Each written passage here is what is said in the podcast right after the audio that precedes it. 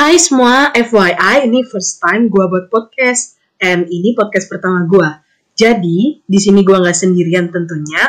Hari ini kedatangan bintang tamu yang dia juga temen dari kelas 6 SD sih. Boleh perkenalkan diri dong, gestar. Hai semua, perkenalkan gue Aurelia Belani, biasa dipanggil Aurel atau enggak Bella, tapi biasa Lia manggil gue si Beje. Oh ya, by the way, hari ini kita mau ngobrol tentang apa sih? Nah, jadi Jet, kali ini kita mau ngobrol tentang suatu hal yang mana hal ini being one of our big bands juga sih. Apa tuh? Nah, kita akan bahas tentang rokok.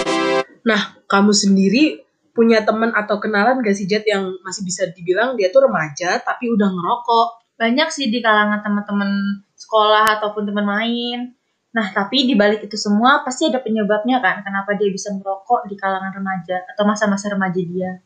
Nah, bener banget. Dan itu tuh akan jadi salah satu topik pembahasan kita nanti. Tapi sebelum membahas lebih lanjut, kita akan bahas dulu apa itu rokok.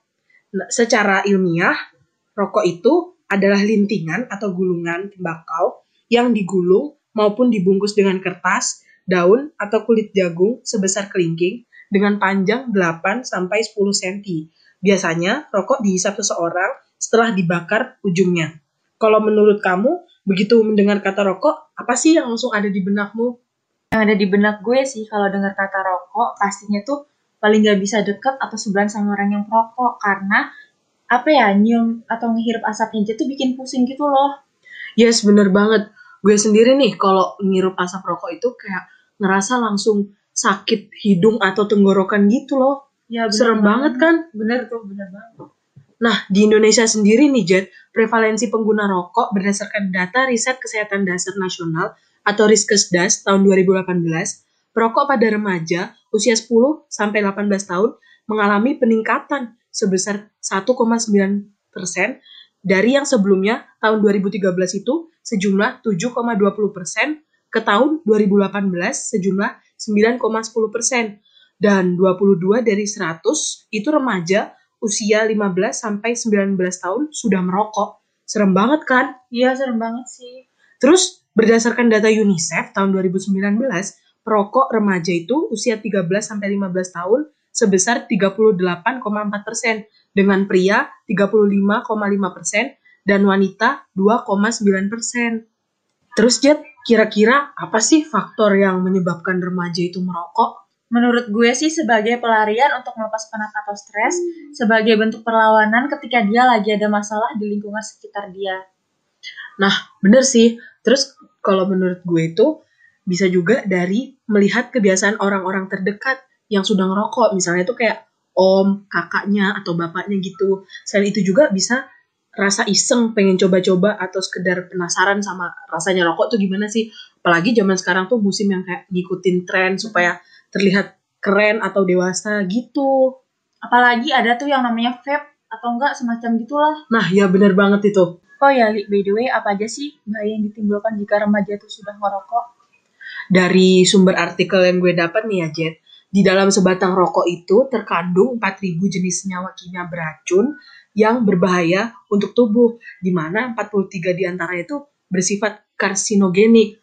Nah, contoh-contoh zatnya itu ada nikotin, yaitu tuh zat yang berbahaya sehingga menyebabkan kecanduan. Terus ada tar. Tar itu zatnya yang menyebabkan bersifat karsinogenik.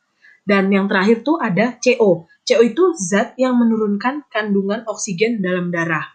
Terus ketika seseorang udah kecanduan rokok nih ya, nikotin yang terkandung dalam tembakau itu akan merangsang otak untuk melepas zat yang memberi rasa nyaman. Jadi menyebabkan rasa ketergantungan gitu loh. Nah, untuk mempertahankan rasa nyaman itu timbul dorongan untuk ngerokok lagi, ngerokok kembali terus-terusan. Nah, itu tuh bisa dibilang proses awal dari kecanduan itu. Dan tentunya kalau remaja udah kecanduan rokok, biasanya tuh mengganggu fokus belajar, konsentrasi konsentrasi belajar dan gangguan sekolahnya sih. Ya bener banget, sekolahnya pasti jadi terganggu gitu karena fokus dan konsentrasi belajarnya itu menurun. Iya tuh bener banget. Nah, dampak kesehatan merokok itu gimana sih, Jet? Nah, dampak kesehatan merokok itu menyebabkan berbagai macam penyakit, di antaranya seperti kanker paru, stroke, penyakit jantung koroner, gangguan pembuluh darah, menyebabkan penurunan kesuburan bagi wanita, dan kejang pada kehamilan.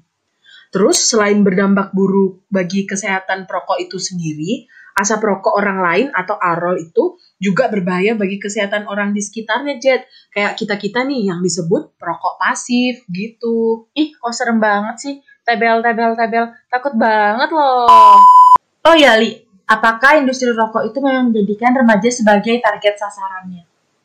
Gini Jet, dari sebuah dokumen industri rokok di luar negeri itu menunjukkan bahwa mereka menyadari betapa pentingnya anak dan remaja menjadi pasar targetnya. Sedangkan kan remaja hari ini itu calon pelanggan tetap hari esok di masa yang mendatang karena mayoritas perokok itu memulai merokok ketika mereka masih berusia remaja. Dan juga li 83% anak usia 13 sampai 5 tahun 15 tahun melihat iklan rokok di televisi. Dalam artikel JYTS 2006, 89% melihat iklan rokok di billboard dan 76,6% melihat iklan rokok di media cetak dalam artikel JYTS 2009. Berbagai studi menunjukkan iklan rokok berpengaruh pada anak-anak untuk mulai merokok. Nah, studi di Indonesia itu menunjukkan 70% remaja mengaku mulai merokok karena terpengaruh oleh iklan jet. 77% mengaku iklan menyebabkan mereka untuk terus merokok dan 57% mengatakan iklan mendorong mereka untuk ngerokok lagi setelah berhenti. Gitu. Kira-kira Jet, apa ya yang dilakukan pemerintah supaya perokok remaja itu nggak semakin meningkat? Menurut gue sih pemerintah harus membuat peraturan hukum tentang perokok.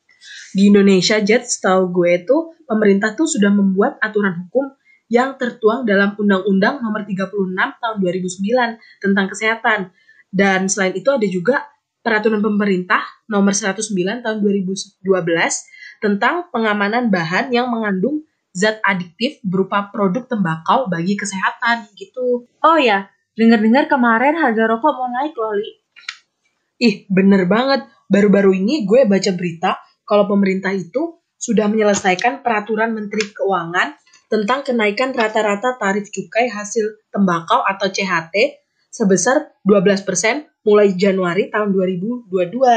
Nah, dengan kenaikan cukai ini diharapkan mampu menekan prevalensi perokok anak usia 10 sampai 18 tahun menjadi 8,83 persen dari target sebelumnya 8,7 persen, Jet.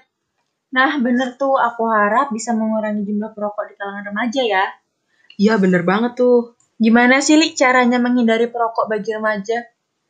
Uh, banyak sih, Jet, cara yang bisa dilakukan. Tapi beberapa beberapa yang akan kita contohkan itu bisa kita bisa melakukan hindari berkumpul sama teman-teman yang lagi ngerokok tuh. Tanamin prinsip pada diri lo sendiri kalau rokok itu bukan satu-satunya sarana pergaulan biar kelihatan keren. Nah bener banget tuh, mana rokok tuh kan juga berbahaya bagi kesehatan ya. Nah iya, jangan malu juga bilang kalau ke diri sendiri kalau kita tuh bukan perokok. E, perbanyak cari informasi tentang bahaya rokok. Hindari sesuatu yang terkait tentang rokok lah pokoknya lakuin hal-hal yang positif seperti olahraga, membaca, atau hobi-hobi lainnya yang positif. Kita bisa tuh uh, terapkan untuk menghindari rokok. Nah, bener banget tuh. Oke okay, guys, mungkin sekian sharing-sharing kita tentang rokok and semoga bisa bermanfaat ya. Dan semoga kita bisa berjumpa di lain waktu lagi ya. Yes, hope you like it guys. Bye!